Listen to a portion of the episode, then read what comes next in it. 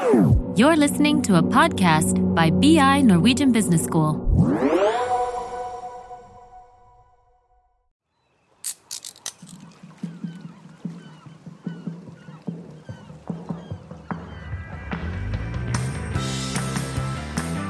I dagens episode av vår podkastserie om bærekraftig finans så stiller vi følgende overordna spørsmål.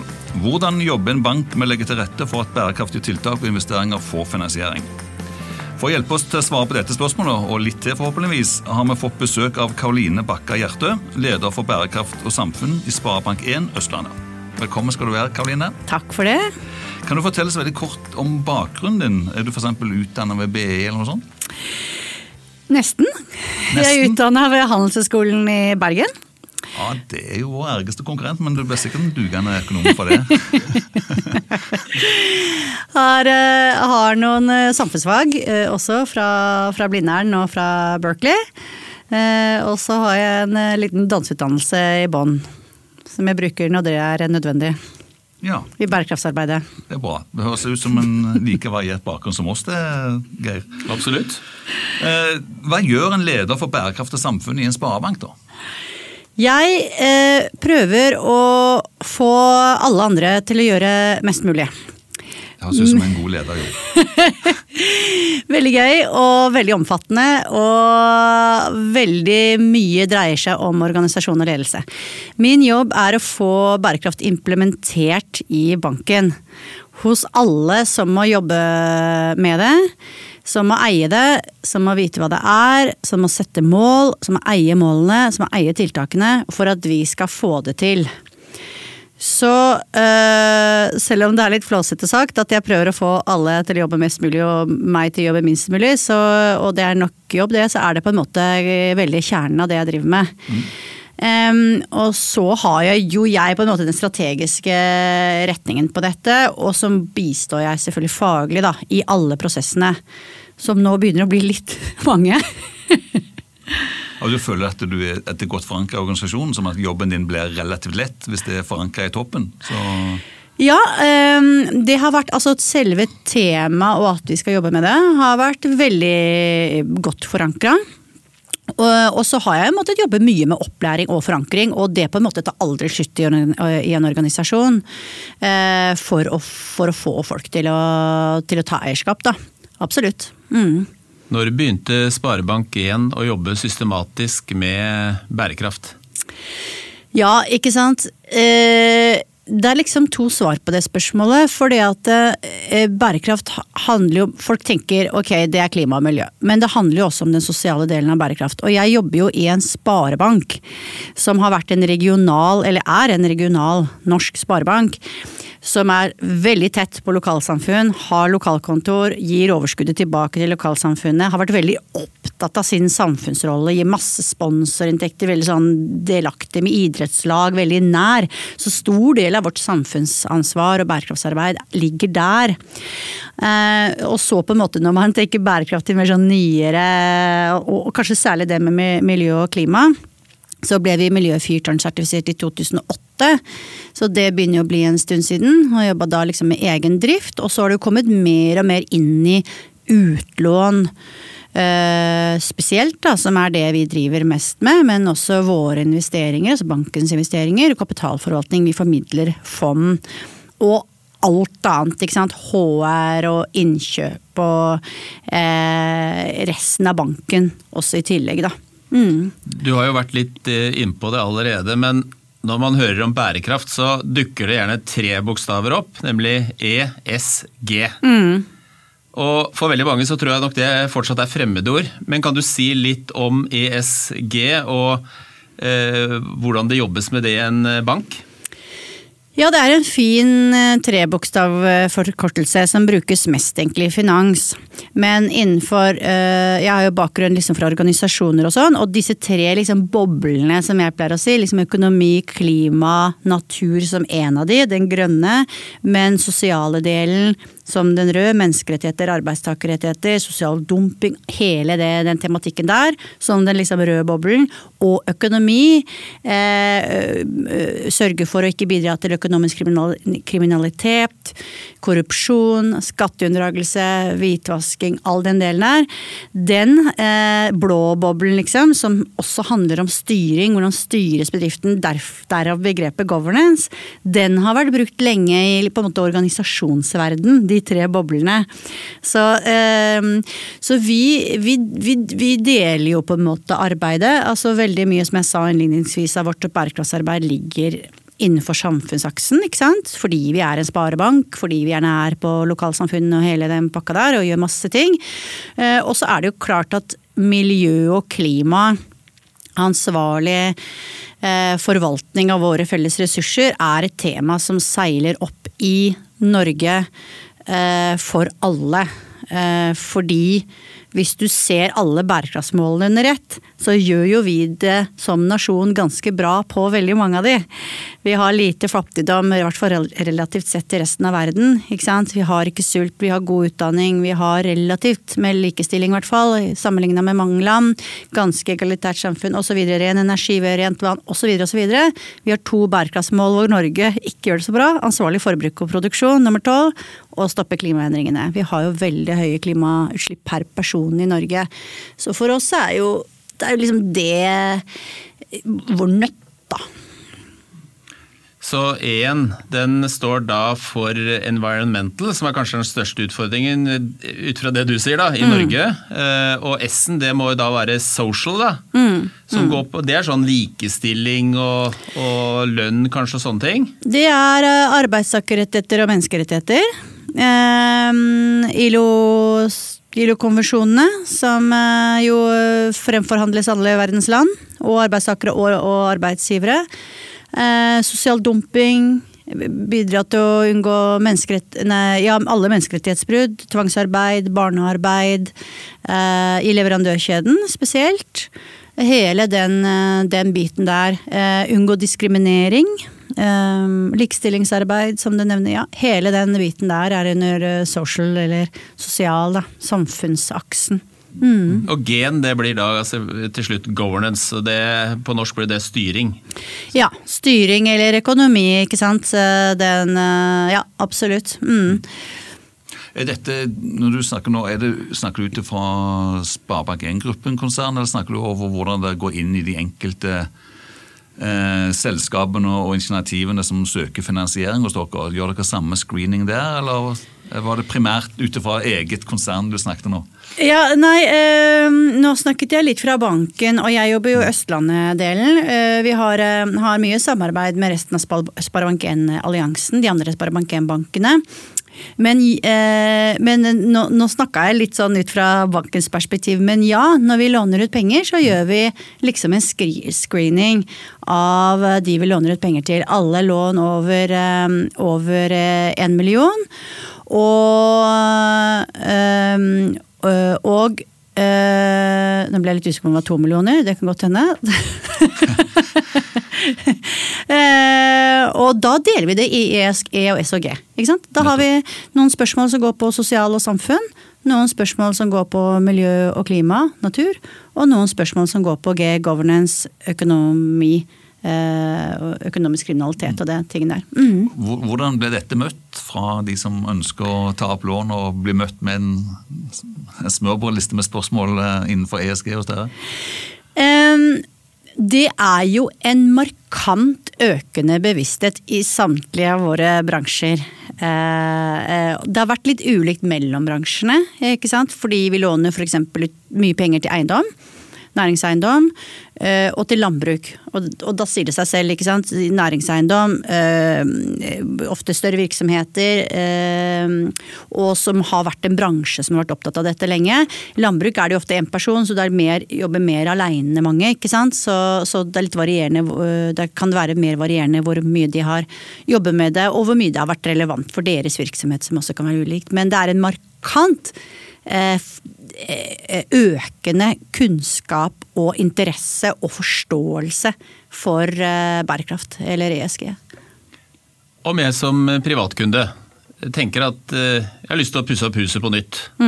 Pussa opp for tre-fire år siden, men eh, tenker at nå har jeg lyst på et nytt og kulere kjøkken og, og gjøre litt andre eh, investeringer også. Altså Er det ok for eksempel, å pusse opp kjøkkenet og, og, andre deler av huset sånn tre år etter du gjorde det forrige gang? Eller, altså, hva slags tilbakemelding gir det til kunden? Altså, Bevisstgjør dere også privatkunder på dette med bærekraft? Vi, vi, vi gjør det. Eh, vi gjør nok det mer i sånn eh, type podkast som dette er, eller eh, på en måte kommunikasjon gjennom sosiale medier. Vi, vi har en kampanje ofte rundt eh, Black Friday. Eh, vi bevisst hadde noe rundt grønn skolestart, kjøp bruk, trenger du nytt? Ikke sant? Eh, mer sånn enn hvis du kommer som en enkeltkunde i banken og, sier at du vil pusse opp. Så det, liksom, det, det er ikke helt naturlig å legge seg veldig borti det syns jeg ikke du skal gjøre. Altså sånne private valg. Men, men vi prøver å høyne den, eh, den bevisstheten og overfor kundene på andre måter, gjennom generell kommunikasjon, nyhetsbrev og alt mulig sånne, sånne type ting. Og vi, eh, vi, snakker med dem om det fordi vi har jo et eh, grønt energilån. Så hvis du skal pusse opp, så har vi et grønt energilån. Så hvis du, hvis du forbedrer energieffektiviteten din i, eh, i, leiligheten eller huset ditt, så kan du få et lån av oss. Eh, og det er faktisk 0% rente på det lånet det første året. Så ikke sant det er jo en fin inngang da, for rådgiverne hos oss til å ta opp at Og det er lønnsomt. Det er bærekraftig, det er klimavennlig. Du får ned eh, klimagassutslippene fordi du får ned strømforbruket ditt. Og det er bra for lommeboka og bra for økonomien òg. Så det henger ofte sammen. Eh, så sånn, den inngangen eh, ville de nok tatt. Mm. Jeg vil tippe at det er ganske mange bedrifter ute som ønsker å være bærekraftige og ønsker å gå i gang med bærekraftsarbeid og gjøre det til en integrert del av sin virksomhet. men hvor skal man liksom begynne? Det er liksom, eh, for mange så er det ganske uhåndgripelig, vil jeg anta. og i hvert fall den tilbakemeldingen jeg hører fra folk som, eh, som, ønsker å sette det på agendaen. Eh, hjelper dere bedrifter med på en måte å fokusere på altså jeg kan tenke meg Det er et stort behov for det man kaller for vesentlighetsanalyse. altså mm. materiality på godt engelsk. Mm. Altså Hva er det, hva er det en, hva er som er vesentlig å jobbe med bærekraft for ulike bedrifter? Mm. Mm. Hjelper dere bedrifter med det? Ja, eh, glad du spurte om det. Vi har en kjempe Dette her med at bedrifter Altså, jeg jobba mye med små og mellomstore bedrifter. Eh, hatt mye kontakt med dem. Eh, og det er ut, altså Hvor skal man starte? Det er det ene. Og det andre er man dykker dykker ned i massevis av forkortelser og rammeverk, og man leser i avisa sant, om klimarisiko, og ikke før har man satt seg inn i klimarisiko, før man skjønner at det er naturrisiko jeg skal sette meg inn i, før man skjønner at å ja, men menneskerettigheter har også noe med bærekraft å gjøre, og så drukner man. Så for et år siden så satte jeg meg ned og skrev en kjempesuper, super enkel guide. En veileder til små og mellomstore bedrifter som eh, kapittel én handler om alt du ikke trenger å vite i forhold til bærekraft. Det er kjempekort. Og hovedpoenget, og, og guiden har eh, fire trinn. Den er kjempekonkret, og hovedpoenget er å finne ut hva er det som er vesentlig for deg. Hva er det du skal jobbe med? Den tror jeg det er veldig mange som er interessert i å, å, høre litt mer om og vite mer om. Ja, ja, ja. Og jeg eh, kan gjerne prate, kan gjerne prate mer om den eh, nå eller en annen gang. Altså, for den, eh, den, har fire veldig enkle trinn, og det finnes veldig mye bra veiledninger og guider og rammeverk der ute. Men min erfaring er at de ofte blir litt for kompliserte for små og mellomstore bedrifter. At du trenger å gjøre en enkel analyse av vesentlighet, eller materiality som du sier, først for å finne ut å ja, men det er disse tingene vi skal jobbe med. Og da kan du jo dykke ned i klimarisiko og, og, og det rammeverket eh, der, TCFD f.eks. Hvis, hvis, du, hvis, du, hvis det er relevant for din virksomhet, men du må gjøre den analysen først. Veldig mange hopper over det. Ja, Det virker jo veldig fornuftig. Altså, du starter med å finne ut hva som er vesentlig for deg og din bedrift. Mm. Ja. Men også, kanskje også hva som er vesentlig for eh, det du var inne på tidligere, det med interessenter, da, stakeholders. Ja. Dette henger jo veldig ofte sammen. da. Eh, som en sparebank så vil jo, du sa det var ofte veldig godt forankra i det lokale næringslivet osv. Så videre. sånn at eh, jeg vil anta at en, en sparebank har flere kan du si, interessenter eller stakeholders da, enn f.eks. For en forretningsbank osv. Og, og, og, og de ulike bedriftene må vel òg ta hensyn til hva som er vesentlig, ikke bare for bedriften, men hvis et, et utvida begrep av bedriften, nemlig alle stakeholders er involvert i bedriften. Ja. Og, og dette blir ofte litt komplisert, så man må ofte gjøre begge to samtidig, og så gjøre en avveining, må man ikke det? Jo, jo, jo. Og jeg tar jo eh, en sånn eh, tradisjonell vesentlighetsanalyse, så er det på en måte sånn hva er relevant for deg og hva er relevant for eksterne. Altså, du snakker liksom interne og så eksterne på to aks akser. Uh, denne her vesentlighetsanalysen som jeg legger opp til, er enda enklere. ikke sant? Uh, og det der snakk med interessenter, snakk med interessenter, snakk med alle rundt, det er liksom omtrent på hvert trinn. For det er man helt avhengig av. Både for å finne ut hva er det eh, jeg burde jobbe med, eh, men også for å finne ut, hvis du har funnet ut at det er likestilling, da, eller oi, barnearbeid er faktisk risiko for barnearbeid i leverandørkjeden hos meg, eller klimarisiko, som jeg har nevnt flere ganger, så er jo ikke du ekspert på det. Men det er det jo heldigvis andre som er. ikke sant? Så du er nødt til å samarbeide med andre for å få til endring. Du kan ikke bare sitte aleine øh, og kokkelere, øh, så jeg har noen forslag til det. Eh, men, men, men, det er en annen ting i forhold til, eh, i forhold til eh, vesentlighet, og det er at jeg tar den inngangen som handler liksom om påvirkning, på en måte. Hva slags, hvor er det du har positiv og negativ påvirkning eh, på, på, samfunnet rundt? At det er liksom den, den derre det er litt sånn hardcore bærekraftstankegang istedenfor hva, er hva er viktig for oss. For jeg syns ofte den der hva er vesentlig og er viktig for oss, så blir man liksom Nei, det er kjempeviktig for oss med, med dette som er det største produktet. Nettopp. Men det er helt unyttig hvis du ikke har påvirkning, sant? Nettopp. ikke sant? Og hva, er det, hva slags påvirkning? I produksjonen av det produktet ditt, eller den tjenesten. Hva er det der du har positiv eller negativ påvirkning på? Jeg tror bare det, det, du nevner her er ekstremt viktig for mange bedrifter. Og relativt nytt, men en helt essensiell del å gjøre. Altså. Mm. Hvem er mine interessenter? Altså, hvem er stakeholders til min bedrift?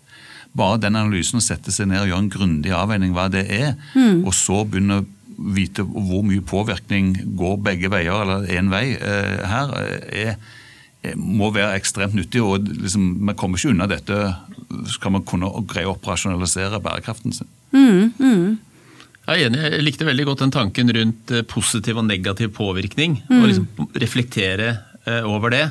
For jeg synes det, det, er jo så mange ting. altså Bærekraft er jo så mangt. Mm. og jeg tenker også det, Noen ganger så må vi jo faktisk avveie, sammenligne ulike deler av bærekraft med hverandre. altså det kan til og med handle om å, å sammenligne x tonn CO2 versus barnearbeid eller likestilling. Ja. Altså, jeg synes, altså, kan du si noe om det? Hvordan tenker du rundt sånne ting? Nei, Jeg gir en, en, en metode for prioritering i den eh, guiden.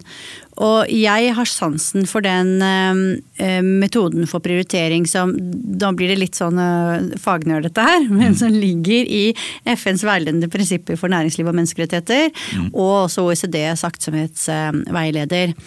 Uh, som handler om hvor alvorlig er påvirkningen, hvor mange blir berørt, og er den mulig å gjenopprette. Eh, og, så, og, så, setter jeg gjennom den guiden en eh, eh, Setter opp på en måte Det kan du gjøre på en veldig enkel måte. Gjøre en sånn prioritering. Og jeg vet jo at veldig mange ønsker seg et analyseverktøy, eller at de kan bare, du kan bare plotte dette inn et sted. Og det er til og med en del som lover at de har det. Eh, og mange som tar kontakt med banken og lover at de har, de har det. Og så kan du få ut liksom en sånn ferdig sånn plan, ikke sant. Eh, jeg har til gode ved dypdykka alle mulige til å, til å, se at de analysene er så veldig mye bedre enn de dataene du putter inn, på en måte. ikke sant? Som bedrift. Du har, sitter jo på en del av denne kunnskapen selv. Og ved å bare få disse tre enkle spørsmålene gjøre den vurderinga innenfor alle temaene dine, så sitter du faktisk igjen med en ganske god eh, prioriteringsliste som jeg mener er god nok by far til å begynne med i bærekraftsarbeidet. Du holder de første åra. Ehm, og jeg anbefaler liksom, du får prioritering én, to og tre. Begynn med nummer én. Ha en handlingsplan på to punkt i 2022. Ikke 36. Gjør to punkt ordentlig, eh, basert på den vurderinga som du har gjort. Og den er ofte mye bedre eh, enn eh, å, å, bruke masse tid på å plotte det inn i, i et eller annet analyseverktøy. Ja, altså Det er jo gjerne sånn garbage in, garbage out. ikke sant? Mm. Eh, så jeg synes Det høres veldig spennende ut med, med, en sånn guide, hvor man får noen enkle knagger å reflektere rundt. Mm, mm. Det tror jeg for mange av oss, eh, kanskje for deg og meg også, Kjell, Definitivt. Eh, vil være veldig nyttig. Definitivt. Mm. Men det, det, må vel i neste omgang følges opp med mål, da. Ja. Og, og, de må ofte være vitenskapsbasert, iallfall når det gjelder på miljøet. da. Ja, ikke sant. Um, og, og, der går det jo på en måte mer Når du går ned i sånn hva slags mål skal du sette på miljøet og sånn, da må du over liksom på andre da, guider og andre rammeverk og sånn. ikke sant? For der, der slipper, slipper, jeg dem da i denne omgang og sier liksom nå har du funnet ut hvilke temaer du skal jobbe med.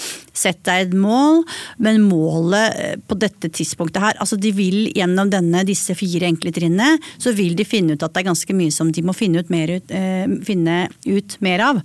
F.eks. det å ha kontroll på leverandørkjeden sin, som man jo er forplikta forplikta til å ha hvis man Eller man er ikke forplikta til å ha det, men i åpenhetsloven sier nå, den nye åpenhetsloven sier at, eh, at, du må kunne gi informasjon om det du har, eh, og du skal gjøre en aktsomhetsvurdering.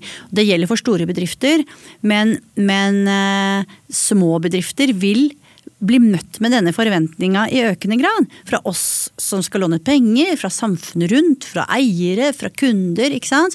Og da må du ha informasjon om leverandørkjeden sin, og bare det i seg selv er ganske utfordrende. Så du vil sitte gjennom en handlingsplan som er litt sånn dette må vi sjekke, sjekke ut mer. På mange punkter. Eh, og dette må vi dykke mer ned i. F.eks. hvis det er klima. Eh, hvordan skal vi sette mål for å måle klimagassutslipp, er jo ofte mål nummer én. da. Finne ut hvor store utslipp har du. Absolutt. Og så hvordan skal vi hulste, skal vi ha en plan for å redusere. Så dere slipper de på en måte, altså For dere er det viktig på en måte å sørge for å hjelpe dem med at de på en måte har et verktøy oppe å gå. da. En plan, en analyse, en, bevisstgjøring. Når de kommer til konkretisering av spesifikke mål osv., så, videre, så på en måte Uh, holdt på å si 'they're on your own'? sånt, nei, nei. Ja, men altså Denne guiden her ligger gratis og åpent tilgjengelig for absolutt alle på våre hjemmesider. Så den er, ikke, den er ikke for våre kunder. Og det er ikke noe som vi sier at alle kundene må igjennom, for vi har jo kjempeflink, noen kjempeflinke kunder også, selvfølgelig. Eller mange som, som, er, um, som har kommet godt i gang, som har konkrete mål, som har jobba lenge med bærekraftsarbeidet. Så da er vi tilbake liksom på det derre Eh, som jeg gikk gjennom i stad, hvor vi har spørsmål, hvor vi, hvor vi, gjør en kartlegging av dem. Da. Og hvis de der kommer ut med for høy risiko, eh, så kan de ende med å få nei på en lånesøknad hos oss. Så da gjør vi en, en kartlegging av hvor, hvor, de er, da. Og hvis de der er helt sånn eh, Du, vi har ikke helt kommet i gang med bærekraftsarbeidet, så kan vi jo tilby denne guiden. Nettopp, så dere måler da altså risikoen på hvor hvor bevisst de er, hvor systematisk de er, hvor, uh, hvor systematisk de jobber med dette. Mm. Mer enn hvordan de er i måloppnåelsen, for å si det sånn. Mm. Uh, ja, ja det, det, kan du, det, kan du, si. Altså, det handler mye om har du bevissthet om risiko i egen bransje. Og, og, og, der er det motsatt altså, som mange tror. For det at eh, mange tror at eh, hvis du spør eh, en bedrift har du, er det høy risiko for f.eks. barnearbeid i leverandørkjeden i din bransje, og de svarer nei, så er det bra. Men, eh, men, eh, vi sitter jo og vet at det er høy risiko for barnearbeid i den leverandørkjeden. Så det er liksom motsatt av det man tenker. En bedrift som sier ja, vet du hva, det er det faktisk risiko for. Eller for eh, vannforbruk eller for eh, kjemikaliebruker. Vi er klar over denne, eller for sosial dumping. Eller, Vi er klar over denne risikoen, og vi gjør noe med det. Det er for oss lavere risiko. Ja, absolutt. absolutt. Det er jo en veldig viktig bevisstgjøring. Mm. Men det slår meg jo at dette er jo relevant for alle. Eh, og Du nevnte at guiden din var kanskje da spesielt eh, tilsiktet små og mellomstore bedrifter. Mm. Eh, og jeg tenker jo at dette er jo, Men dette er jo også relevant for alle av de små og mellomstore også. Hvis du tenker fra industribedriften, så tenker jeg alle tenker at det er helt uh, åpenbart at dette er veldig relevant. Mm. Men det gjelder jo også barnehagen, mm. eh, som har mange bærekraftshensyn å tenke på. Eh, Det kan være selvfølgelig alt fra sortering av søppel og, og den type ting, men også til utdanning av barna. Fordi at det er klart at hvis de voksne i barnehagen er bevisste rundt bærekraft og har reflektert over dette, så vil jo det også påvirke barna, som de da tar med seg videre på skole og senere i livet igjen. Ja, ja, ja. ja. Så utdanning er også veldig viktig. Ja, ja, ja, absolutt. Så den går liksom på tegn opp, trinn 1 er tegn opp hva er det du driver med? Hvordan ser din virksomhet ut? Hvem er som er ansatt hos dere? Hvem er eierne? Hvem er interessentene dine? Hvor er dere lokalisert? Tenk deg nå en barnehage. Hvem er lokalsamfunnet rundt? Hvem er de? Ehm, Hvem er det som blir berørt av din virksomhet? Hvordan ser leverandørkjeden ut? Nå er ikke barnehager sånn veldig stor, de er jo ikke en, ikke sant? men de har en leverandørkjede de òg. Eller hvordan ser verdikjeden deres ut? Eh, Og, og alt fra driften, ikke sant. Og det er liksom trinn én, og trinn to er ta tre tusjer. En for grønn, som vi har snakket om, environmental, grønn natur. En for eh, det røde, og en for blå, governance, økonomi, styring. Og ring rundt de områdene der du tror at det kan være utfordring. Kan være utfordring, ikke sant. Og muligheter. Og da må du ta den risikoinngangen. Kan! Det her må vi sjekke mer. Her er vi litt usikre. Eh, Det foregår eh, eh, Det har vært noe, noe, noe på den avdelingen vi er usikre på. Vi må foregå, sjekke mer. Med en rød tusj rundt den. Ja. Ja, jeg synes jeg er veldig fascinert over måten å jobbe på. Det, er, det, er på en måte, det virker så enkelt. Eh, Ja. Men samtidig så gir det jo tross alt et, et, et sånt rammeverk for å begynne å tenke. Ja. Det, det er, det men, altså den er skrevet på et så superenkelt språk at det er, eh, at det er eh, skal, liksom, det skal kunne leses i en travel hverdag for en bedrift. Og jeg vet at det der å ta opp en sånn guide på 136 sider, selv om å lese executive summary når du har det ikke veldig travelt, det, det blir bare aldri noe av. Selv om intensjonen er der. Så dette er liksom veldig sånn ta frem et A- treark, ta frem tre. Ikke sant? Og, og, og tanken er, hvis du gjør det kjapt, så kan du gjøre hele greia på fire timer. Eh, Du vil nok kanskje bruke litt mer tid. Eh, Men, men det er hver eneste gang jeg snakker med en liten og mellomstor bedrift, så er det akkurat dette jeg sliter med. De sliter med. Hvor, hva er relevant for oss? Hvor skal vi begynne? Og når jeg begynner å spørre dem spørsmål, eh, så har de veldig mange av svarene selv. Og det ser vi gjennom den der aktsomhetsvurderingen når rådgiverne våre går gjennom det med bedrifter. ikke sant? Først er de litt sånn øh, Dere spurte om det i stad. Først er de litt sånn jøss, hva er dette for noe? Hvis de ikke har vært gjennom det før. Og så begynner de å prate, ikke sant. Og så har de jo masse kunnskap, masse bevissthet, masse ja vet du, Det er faktisk det her jeg snakka med, med leverandøren min om, at det der burde vi ha tatt tak i, ikke sant. Eller Ja, altså, jeg, jeg tror det du snakker om der er superviktig. For det at bedriftene selv tar eierskap til bærekraft, det er viktig.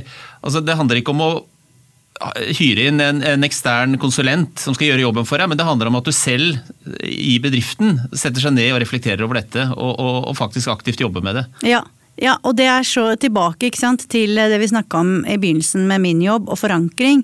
Det må eies internt i bedriften. Og det er også veldig dumt hvis du setter det ut, at da eies det av konsulenten. Da er det konsulenten som har lest alt da, og snakka med alle de ansatte, og, og ser faktisk hvor skoen trykker. Ja, da blir det en Eh, ren vet du. ja, og så får du rapporten tilbake, og den rekker du ikke å lese uansett. Ikke sant? For den må du lese en rolig dag, og den rolige dagen har ikke kommet. Så ja. Så Derfor tror jeg det er veldig veldig mange bedrifter der ute, og veldig mange av våre lyttere som er veldig spent på og veldig interessert i å vite mer om den superenkle veilederen du har. Men Ja, ja. det tror jeg faktisk vi må overlate til en, en annen episode av podkasten vår. Om ikke så altfor lenge, da. Så jeg tror vi må runde av der, Karoline. Tusen takk for uh, veldig nyttig.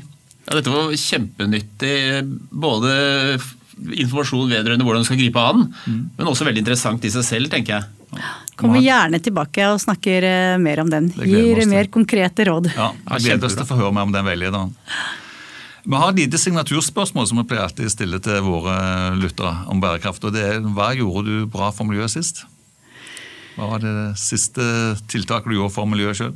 Ja, si det. Eh, Jeg eh, kjøpte en eh, bruktsykkel på loppemarked. Eh, Sykler, jeg sykler hver dag hele året. Og for alle som ikke gjør det, det er altså så deilig. Og det er så få dager i året du faktisk ikke kan sykle. Så den skal jeg um, levere opp på um, eh, et sykkelreparatør eh, som er i nærheten her. Og som er eh, drevet av folk som har vært innsatt i fengsel, og som driver sykkelreparasjon. Så, og de har litt eh, kronglete åpningstider, så jeg må eh, ha brukt mye ressurser på å få den sykkelen som jeg har kjøpt. For jeg må ha flere, da, siden jeg bruker, sykler så mye. Få den dit. Så det var, er kanskje det aller siste jeg gjorde for miljøet. Og mange bærekraftselementer inni der, både på sosialt og på miljø. Og litt innom sirkulær økonomi òg, med gjenbruk. Ja, Så det var, det, var, det var bra. Imponerende. takk.